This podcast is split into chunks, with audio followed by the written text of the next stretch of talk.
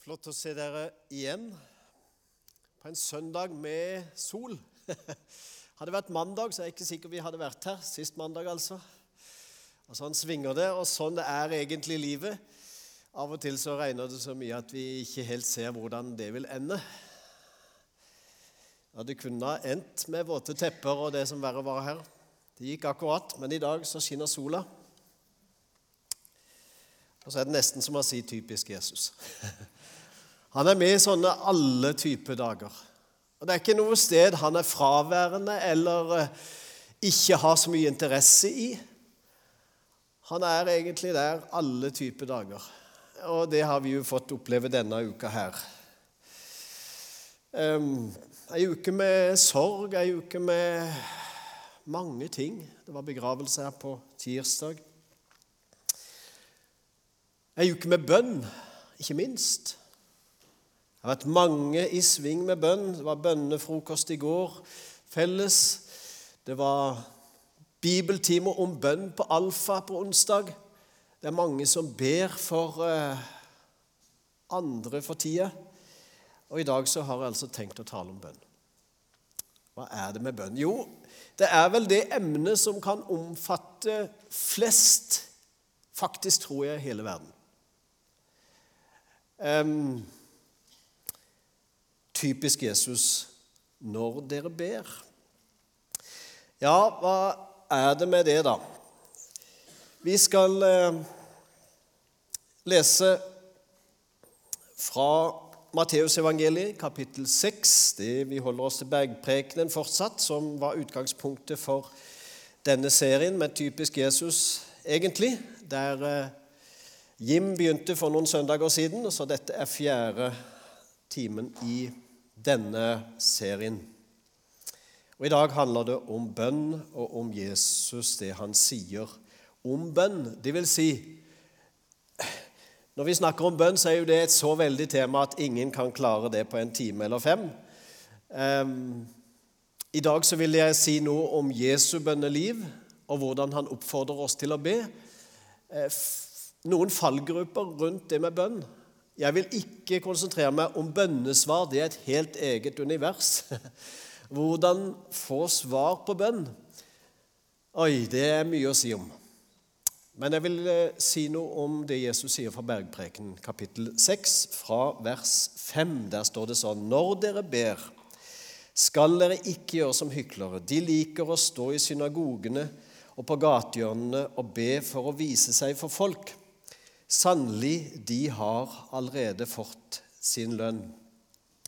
Men når du ber, skal du gå inn i rommet ditt og lukke døren og be til din far som er i det skjulte. Og din far som ser i det skjulte, skal lønne deg. Når dere ber, skal dere ikke ramse opp ord slik hedningene gjør. De tror de blir bønnhørt ved å bruke mange ord. Vær ikke lik dem for dere har en far som vet hva dere trenger, før dere ber han om det. Amen.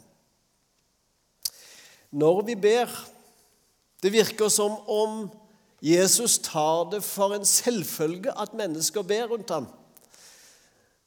Og Jeg vet ikke om vi kan si det samme om mennesker i dag, de som tror på Gud.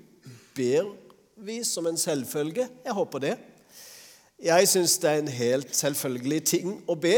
Er det noe vi kan lære et barn fra tidligst i livet av, så er det å be. Folde hendene. Enten det er å be en bordbønn, eller det er å be en, en um, bønn før en legger seg.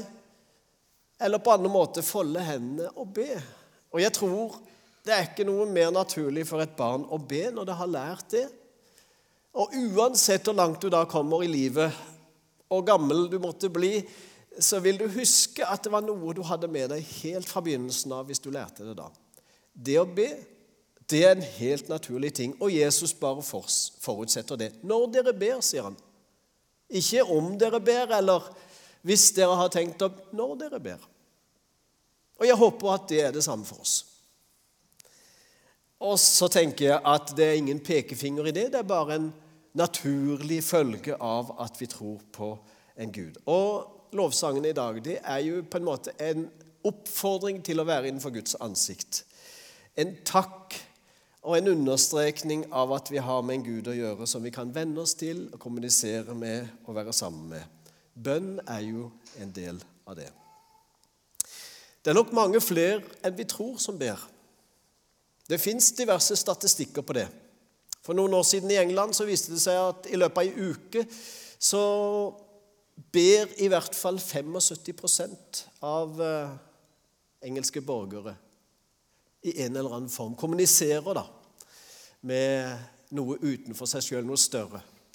Og så er ikke det nødvendigvis en kristen bønn, men allikevel det er mange som ber. En nyere undersøkelse i Norge, kanskje litt mer enn ledslående, men ca. 50 av eh, norske borgere ber til, eh, til Gud. Eh, og da står det bare 'i løpet av et år'. Og det er jo en veldig upresis størrelse, da.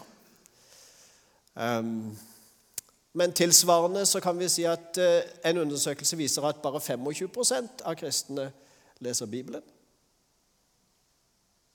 Så det er faktisk flere som ber, enn som leser Bibelen. Holdt på å si, Om det er et godt tegn, det vet jeg ikke. Begge deler skulle jo gjøres, for det er godt begge to. Og Allikevel så er det nok flere mennesker som ber, enn som leser Bibelen. Det sier oss noe om bønn er viktig for mange. Enten det er krisetider eller det er gode tider. Um, jeg skal gjøre en ting i dag som ikke er så vanlig. Jeg skal be to komme opp her, som jeg er forberedt på. Solveig og Carl Henry, vil dere komme opp? Og så skal jeg stille de et spørsmål, et lite intervju, midt i en preken. ord til meg. Det må stå så det er ut i lyset.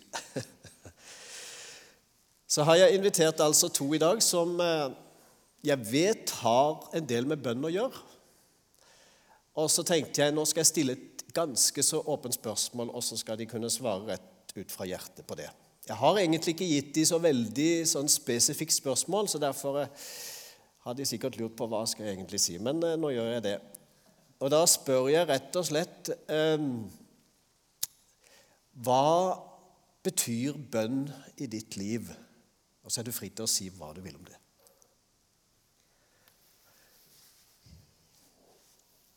Jeg er kristen. Jeg tror på Gud. Jeg tror på himmel og jordens skaper. Jeg tror på Bibelen. Og jeg tror på og har erfart og opplevd bønnens kraft og konsekvens i mitt liv. Og det ønsker jeg for andre. På samme måte som andre mennesker har båret meg i bønn, så ønsker jeg å være med og bære andre. Det er ikke så himla lett. Jeg må si for min del jeg er aldri så sterk som når jeg er svak. For når jeg er svak, så blir jeg på en måte tvunget til å ha blikket festa. Og så erfarer jeg konsekvensene av det. Men for min del, i hverdagen, i mitt liv, så er det så mange vinder som blåser. Og så se på det.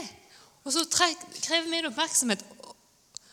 Og når det står i Bibelen å gå inn i ditt rom og be i det skjulte Ja, jeg tror på det. Jeg småprater med Herren daglig, hele veien i hus og hjem. Nå er det sånn at jeg er hjemmeværende på dagtid. Så det gjør jeg. Samtidig så opplever jeg òg verdien av å være sammen med andre. Det handler litt òg om også at andre mennesker er med, kan være med og dra meg. For det er så veldig lett og 'Jeg skal bare.' Ja, men jeg må jo gjøre. Men hvis jeg har en Jo Solveig klokka ni, mandag klokka ni, så treffes vi det vi har gjort de siste par årene, så opplever jeg og erfarer det som veldig verdifullt. Takk skal du ha. Var du med? Karl Henry, det er din tur.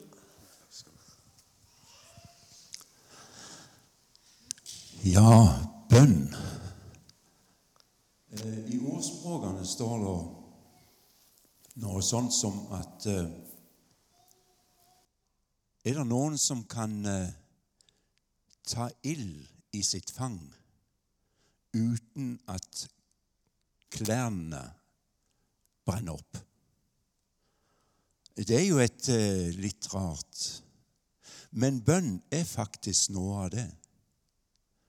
Iallfall sånn som jeg opplever at når jeg kommer inn for Gud, da står jeg faktisk der, for å bruke det uttrykket, naken og bar. Det er ingenting som er skjult. Jeg vet nok det, og det er vel noe som vi alle vet, at Gud ser oss uansett. Men når du kommer inn for Gud i bønn, da har du på en måte eh, holdt jeg på å si kledd av deg. Ilden som bønnen er, den åpenbarer ditt, ditt egentlige jeg. For meg er bønn Ja, det er veldig sånt uh, Veldig personlig mellom meg og Gud. Den intime bønnen. Men samtidig så er det noen ting som vi alle sammen er kalt til når det gjelder bønn. Og det er til å be for og med hverandre. Og I den forbindelsen så har jeg bare lyst til å komme med en reklame.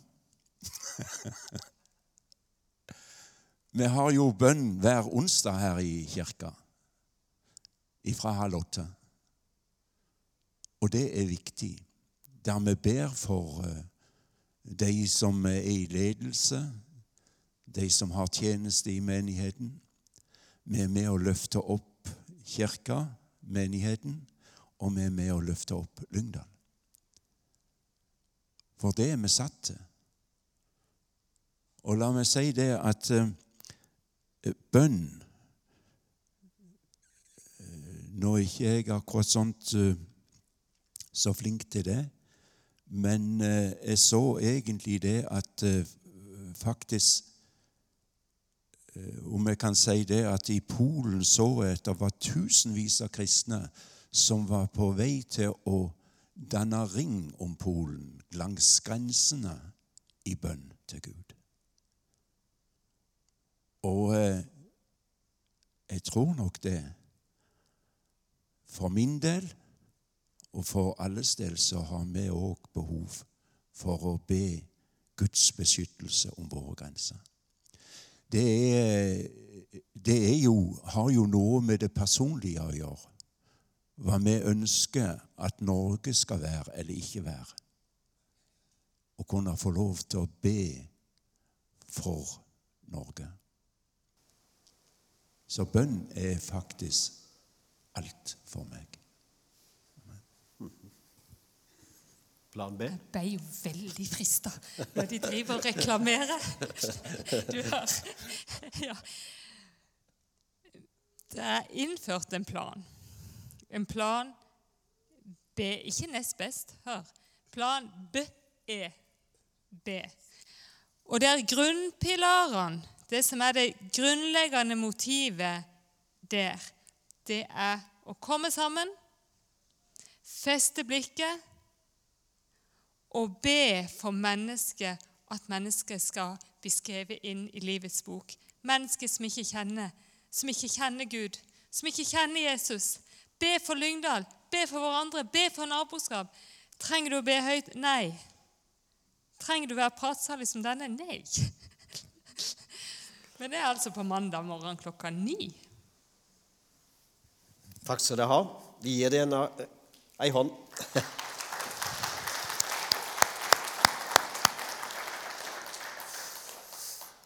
Så skjønner dere at jeg spurte to som representerer i hvert fall to av bønnegruppene i menigheten.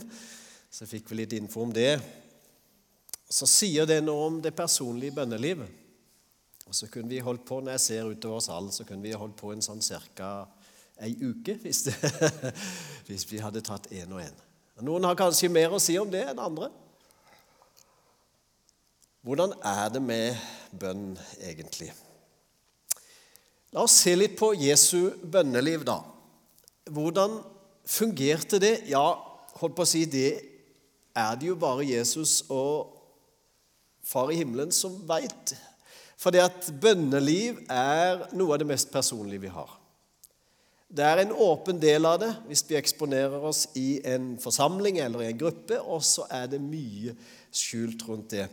Og Faktisk så sier teksten i dag at eh, først og fremst så skal du gå inn i ditt rom og så lukke døra og så be til din far der. Og Det er en oppfordring som er stående, altså. Din personlige bønn med Gud, Jesu personlige bønn med sin far, den var viktig først og fremst.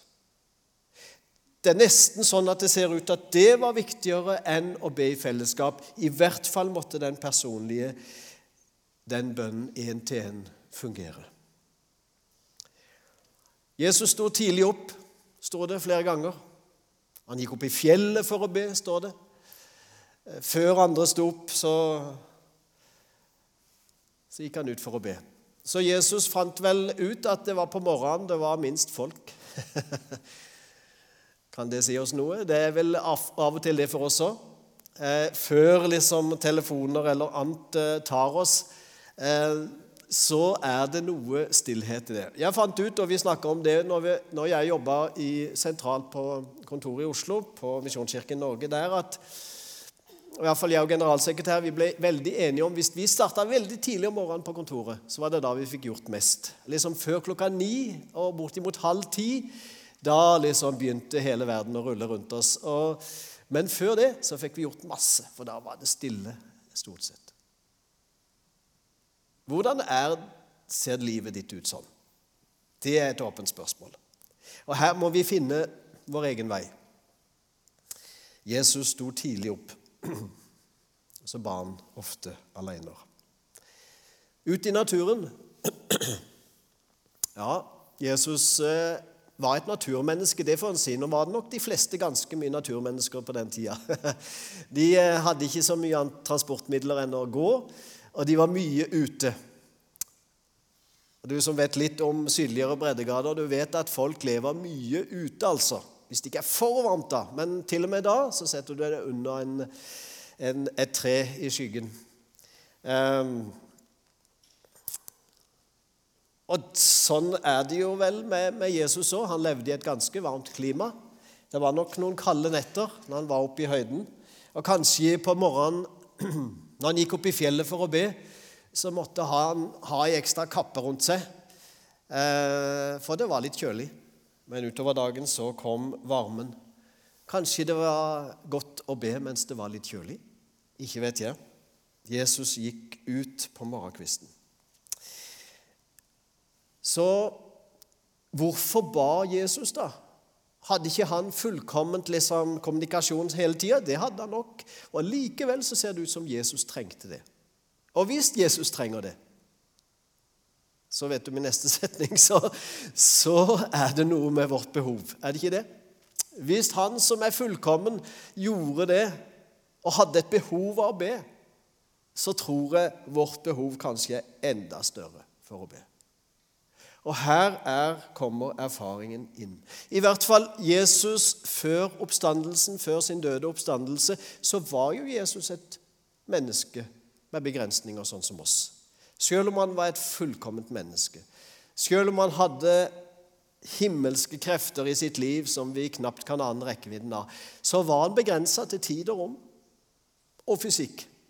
Etter oppstandelsen så skjedde det noe med det. Han kunne gå gjennom stengte dører, og han kunne forflytte seg uten at noen merka det. Men før, før, sin død så var han begrensa som menneske. Og Det gjorde nok at Jesus hadde et behov for å be. Han hadde et menneskelig behov for å be, vil jeg si, til sin far i himmelen. Så som menneske så trenger vi bønn. Det tror jeg vi kan slå fast ut ifra Jesu liv. Gå til et ensomt sted. Lukk døra di ut fra dine behov for Guds kontakt. Jesus han ba jo òg offentlige bønner. Og han eh, ba gjerne offentlige bønner. Han hadde ingenting imot det. Og så ser vi av Jesu offentlige bønner at disiplene de hadde ørene på stilker. altså. Og Mennesker rundt de lytta veldig nøye når Jesus ba. For de opplevde at her skjer en kommunikasjon som vi må få tak i. og Dette kan vi ikke gå glipp av, og her er det noe å lære. Og Jesu offentlige bønn var faktisk en stor del av opplæringen til disiplene. Hvordan kommunisere med Gud. Hvis du og jeg i dag hadde hørt Jesus be, så er jeg sikker på at det hadde vært så stille at vi hadde nesten ikke kunnet puste. Og vi hadde lytta. Hvordan ber Jesus til sin far? Og det var det disiplene gjorde. Selv om de ikke visste alt om Jesus, så visste de nok til å skjønne at her skjer det en kommunikasjon på et nivå som her må vi være stille og lytte. Og mennesker, ikke bare de tolv disiplene, men mange, de kom til Jesus, og så hørte de på når Jesus ba til sin far. Han ba ikke så ofte.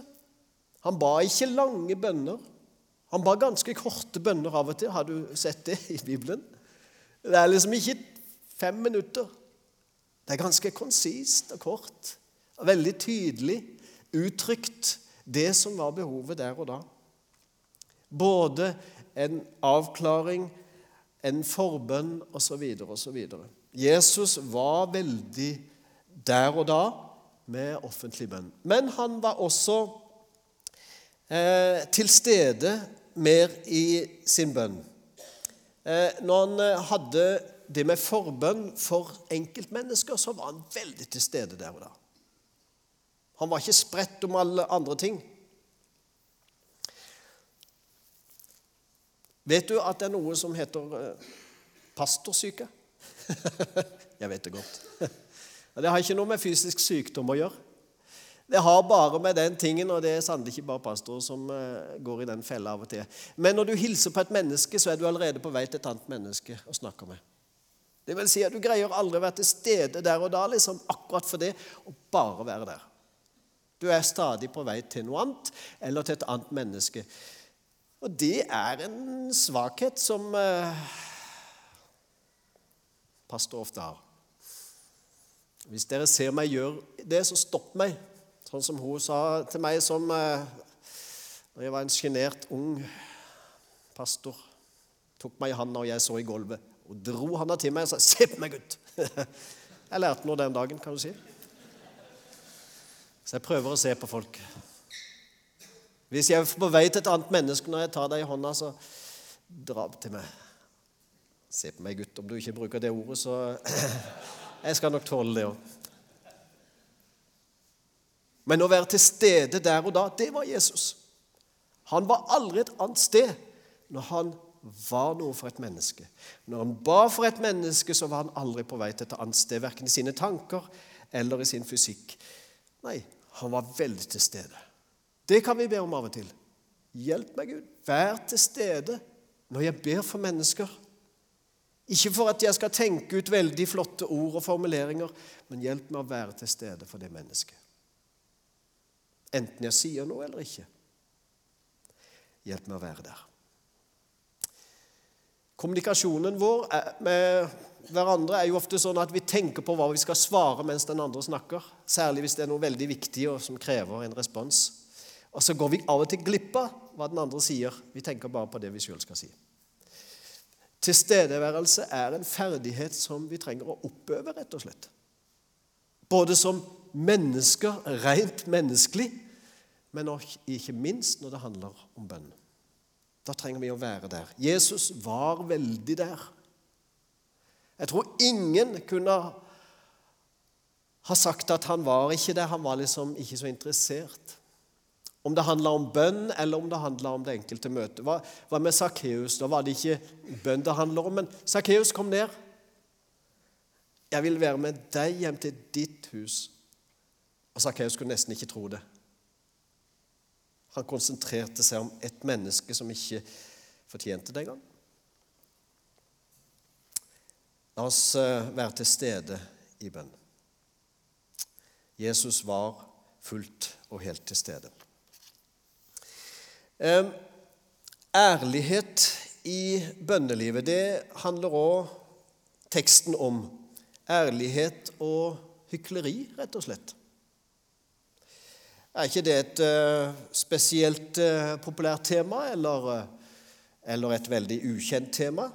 Det fins mange typer hykleri, også blant kristne. Her får vi inkludere de fleste av oss, tror jeg. Eh, vi får eh, bøye oss i støvet når vi har eh, egentlig utgitt oss for noe annet enn det vi er, eller prøvd å inngi noe som vi absolutt ikke er. Altså ikke å være ekte. Carl Henry nevnte om at når vi kommer inn for Gud i bønn, så, så er vi egentlig avkledd, for Gud ser jo alt. Ja. Så ærlighet og hykleri det er to ord som også er veldig viktige å ha i bakhodet når det gjelder bønn. Særlig offentlig bønn. Særlig når vi ber når andre hører oss. Når vi er i et bønnemøte, eller når vi er i en forsamling, eller i en liten gruppe, eller Hvem har ikke tenkt 'nå må jeg finne de gode orda'? Eller 'jeg kan ikke finne de gode orda, så er tida bare stille'. Det vil si, det ene er jo egentlig like vanskelig som det andre, for vi tenker 'jeg må prestere noe', eller gjøre noe som andre syns er ganske bra å be sånn. Og Så sier Jesus at den som på en måte ber for å prestere, da bommer bønnen totalt. Han sier den har allerede fått sin lønn. Hva vil det si? Jo, i beste fall så kan vi dra på oss menneskers beundring. Ikke Guds beundring. Kanskje ikke bønnesvaret engang. Jesus sier de har alt fått sin lønn. Det er en veldig sterk setning, altså. Hvis vi ber for å prestere, så bommer bønnen totalt. Eh, rettvendt bønn, da. Ja. Jeg tok med et sånt eh, gammelt eh, bilde, klassisk bilde, av profeten Daniel. Han eh, var en av noen eh, gudstroende venner som ba daglig. Tre ganger om dagen, står det. Så gikk han inn i sitt takkammer, og så åpna han vinduet mot Jerusalem. altså så ba han. Aleine. Selv om noen kunne spionere på han gjennom et åpent vindu. Men han var lukka døra og ba til sin Gud. Og Dette hadde han som vane. Dette var innøvd i. Det var, det var tidebønnene hans, rett og slett. Tre ganger om dagen så gjorde han det helt konsekvent, uansett hva livet krevde av han utenfor. Og når det ble sagt på spissen, så ga han aldri det opp. Når han ble forfulgt for det, så ga han aldri det opp. Det var noe med hans personlige bønn som han ikke ville gå glipp av for enhver pris. Så når bønn blir liksom salderingsposten Hvis vi får tid, så ber vi. Så var i hvert fall ikke det Daniels eh, livspraksis. Så rettvendt bønn Ja, vi ber til Han vi tror på, også når ingen andre hører oss, og absolutt da. Hvordan er det med fellesbønn, da? Ikke for å vise seg fram, nei. Men hvorfor skal vi da be? Hvorfor ber vi da, hvis Gud vet alt, egentlig? For det står det. For Gud, dere har en far som vet hva dere trenger, før dere ber han om det. Hvorfor skal vi da be, spør noen. Ja, av og til er det et godt spørsmål. Og Da vil jeg igjen spørre hvorfor ba Jesus, da? Da trenger vi å be. Og det er noe med fokuset i bønn, å holde et fokus, så ikke tankene våre går dit. Tankene våre kan gå alle veier, også når vi er alene og ber. Det har sikkert alle opplevd. Altså må Gud hjelpe oss med det, og så må vi konsentrere oss igjen. Men i hvert fall så har vi mulighet til større konsentrasjon når vi sitter ned og ber til Gud, som er vår far. Avhengigheten av Gud tror jeg gjør oss til bønnemennesker i en eller annen form. Da tenker jeg ikke bønnemennesker en som ber veldig masse, men en som har behov for å be. Kanskje enkle bønner, kanskje ordløse bønner, men være i bønn til Gud. Det er et lyttested, det å be. Vi trenger ikke alltid si noe, men rett og slett være sammen med Gud og be Gud, du ser meg. Nå er jeg her. jeg sørger for å prøve å legge inn sånne lyttesteder i livet mitt. En liten historie fra livet mitt. Eh, det var i vår. Jeg hadde en skogstur opp på høydene over her. Eh, det var utpå vårkanten, og sola skinte. Og Jeg satte meg i en sånn bakkehelling med en del trær, og sånn, så jeg satt litt sånn i halvskygge. Og Så tenkte jeg nå setter jeg meg her og hører hva Gud vil si. Det er liksom ikke noe det Jeg tenker sånn ofte, så det er ikke noe uvanlig med det. Men eh, det var helt stille. Det var ikke et vindpust. Ingenting skjedde. Jeg tenkte her var det jo bare godt å sitte. Veldig godt å sitte. Ingen spesielle ting ved det. Og plutselig så var det som ut av dette så talte Gud. Jeg hørte ikke noe uh, tydelige ord eller noe sånt. Men uh, det kom et litt sånn vindpust, og så begynte trærne å svaie litt. Og så solstrålene som skinte mellom trærne, de veksla mellom å treffe meg og ikke. Og Så var det som Gud sa til meg, 'Du har plassert deg i sånn halvskygge i dag.' Du kan ta fem steg ut, og så står du midt i sola. Og så kan du ta fem steg inn, og så står du helt i skyggen. Og så var det som Gud sa at ja, slik er det med min kommunikasjon med deg. Du kan velge å trekke tilbake så du står i skyggen og ikke tar imot noe fra meg, eller ikke vil ha noe med meg å gjøre, eller la være å kommunisere. Og så kan du tre ut i solstrålene. For jeg er jo alltid der. Men det er du som har valgt å plassere deg i skyggen. Så tenkte jeg over det. Ja. Det var andakten min den dagen, altså. Veldig tydelig, og den har blitt stående som noe for meg det siste halvåret. Vi som kan ta det steget ut Gud har tatt steget fullt ut for lenge siden. Og han har ingen eh, intensjon om å stå i skyggen. Han står der og skinner for oss. Han står der og taler til oss. Han står der og puster på oss. Han står der og velsigner oss. Og så er det vi som kan stå i helskygge eller halvskygge eller ute i sola. Av og til så trenger vi hjelp til å skjønne det. Av og til så trenger vi til og med hjelp til å skjønne hvilken skygge er det som skygger over mitt liv nå. Det er noe som ikke er som det skal, og jeg må ha hjelp til det. Ja, kanskje vi trenger hjelp til det. Da skal du snakke med noen du er god venn med. Få hjelp til å be, eller få hjelp til å samtale om det. Et lyttested, ja visst. Bønn og bønnested er også et lyttested. Det er også et sted for noen veldig viktige valg. Um, hør på dette fra Lukas kapittel 6.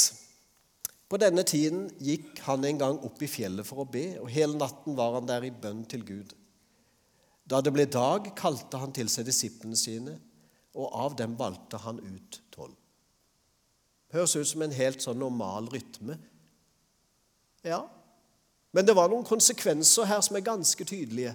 Når han skulle velge ut tolv disipler av kanskje 50 eller 70 eller 100 som fulgte han mer eller mindre, når han skulle konsentrere seg om de han skulle ha tettest kontakt med, så måtte han be. Og så måtte han være avsides litt. Så når han skulle gjøre et viktig valg for de tre åra han skulle tjene tydelig her nede på jorda, så måtte han ut og be. Hvilke viktige valg fins i ditt liv? Og mange. Veldig mange. Små og store i andre menneskers øyne, men kanskje veldig viktig for deg. Da er det ikke bare lurt, men det er helt nødvendig å be, etter min mening, da. For å få impulser fra Gud til å gjøre det riktige. Og det er noe med å åpne og stenge dører. Og jeg tror eh, at av og til så Ja, jeg har bedt det sjøl. Kjære Gud, steng den døra for meg nå eller så går jeg inn gjennom den. Og så har den av og til smelt igjen rett fra nesa mi med en eller annen veldig tydelig fysisk effekt. Eller så har den stått på vid vegg. Jeg har sagt til Gud nå går jeg inn den døra. Stopp meg hvis dette er feil. Og så har jeg gjort det. Så kjenner jeg det i ettertid. Ja, det var Gud velbehagelig at jeg gikk den veien. Det er noe med små og store valg som er viktig å spørre Gud om. Det var på en retreat borte i Sverige. Kjent leder Magnus Malm hadde retreaten for oss. Jeg hadde daglige veiledningstimer med han. Det var ei uke. Og så Jeg husker ikke hva det var jeg trengte råd om, ja. men eh, jeg bare husker spørsmålet. Jeg sa, og jeg har tenkt og tenkt og gått eh, rundt. Jeg har bedt Jeg har liksom spurt meg sjøl, sa jeg tydeligvis. Kikka han på meg. Du har vel ikke spurt Gud, vel? ja, det var liksom et glimt i øyet, men den satt midt i hjertet, altså. For det var akkurat det jeg egentlig ikke hadde. Så det å spørre Gud, det er ikke dumt, altså. Det vil si, det er veldig svakt sagt. Det å spørre Gud er av og til, jeg vil si, alltid helt nødvendig. Og så må vi ikke dette i den grøfta der vi skal spørre Gud om hver minste ting. Vi har fått uh, hodet for å tenke. Så absolutt. Ellers hadde ikke Gud skapt oss med sånn en hjerne vi har. Som er det mest fantastiske middelet til refleksjon eller kommunikasjon eller forståelse som Gud har skapt av noe han har skapt, den menneskelige hjerne. Så vi har fått den til å reflektere, vi har fått den til å dra våre slutninger, men de baserer seg ofte på et verdisett som skal være inspirert fra et eller annet sted. Noen verdier som er lagt i oss, enten fra vi var barn eller unge, eller har lært etter hvert at det er viktig. Det er jo viktig. Det er rett. Det blir feil, altså. Eller hvis jeg gjør det, så får det sånne konsekvenser. Og Slike spor er veldig viktig å ha. Hvis vi ikke har de sporene der, så trenger vi å be om å få de. Så vi skal virkelig handle ut fra vår fornuft og det Gud har satt av spor tidlig i livet ofte. Det lønner seg å be, altså. Det er viktig å be. Av og til helt avgjørende å be. Og jeg er ikke i tvil om at Jesus den dagen han eh, måtte be. Jeg er sikker på at han hadde tenkt ja, de der tolv der, de ser kanskje Kanskje jeg skulle spørre de. Kan dere liksom være litt mer med enn de andre? Men jeg må ha en bekreftelse fra min far i himmelen. Og så gikk han opp i fjellet for å be. Bomma han på en av de, kan du si? På Judas Iskariot. Dere som kanskje kjenner bibelhistorien, der vet at det var en forræder blant de som forrådte Jesus helt på slutten av hans liv. Men det var en eller annen forunderlig plan i det, tydeligvis. Så han valgte nok helt rett når han valgte ut de tolv. Etter teksten som vi har lest i dag, så kommer avsnittet og Jeg skal ikke lese det, men så kommer avsnittet om Fader vår. Det er der Jesus underviser disiplene om Fader vår bergprekenen. Og Det var mange flere som hørte dette enn disiplene. Det var masse folk der. Men rundt han nærmest så satt nok disiplene. Og så satt han, og så snakka han utover til en større folkemengde. Altså, når dere ber Slik skal dere be, sier han. Og så ber han det som vi i dag kaller Fader vår, eller Vår Far, som det heter på den nye oversettelsen. Det er jo en fellesskapsbønn spesielt. Det er også en bønn for de lukka ensomme rom. Men eh, jeg vil si at eh, vår far, eller fader vår, alt etter som når du er oppvokst, håper jeg å si, det er et mønster, på en måte. For det er jo ikke slik at Fader vår er bare den bønna vi skal be. Det er jo ikke slik at det er bare noen formulerte bønner som vi kan be. Det er godt med formulerte bønner, ferdigformulerte bønner, nedskrevne bønner. Men det fins helt frie måter å be på, så absolutt, og vi benytter oss av det. Og Likevel så er denne bønna et slags mønster i, i bønnelivet. Hva handler Fader vår om? Jeg er ikke en forfatter, altså. Jeg tror jeg aldri kommer til å bli det heller. Men jeg har bidratt til to bøker en helt verdslig, men helt ok en fuglebok.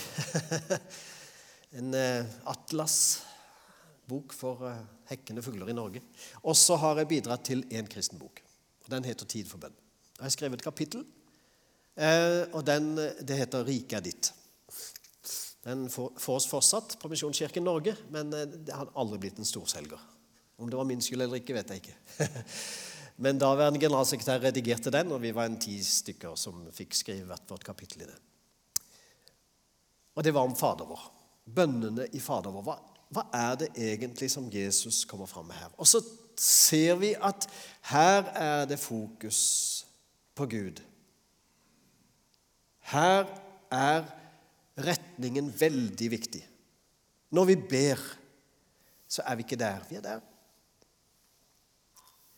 Og så kan du si er, er Gud i himmelen sånn? Ja, Hva vet vi om det? Nå er jorda rund, så himmelen er vel egentlig alt rundt utenfor jorda. I Afrika så ber de veldig sånn eller sånn, og kommer de lenger syd, så ber de sånn. Altså, Hvordan skal vi si hvor Gud er?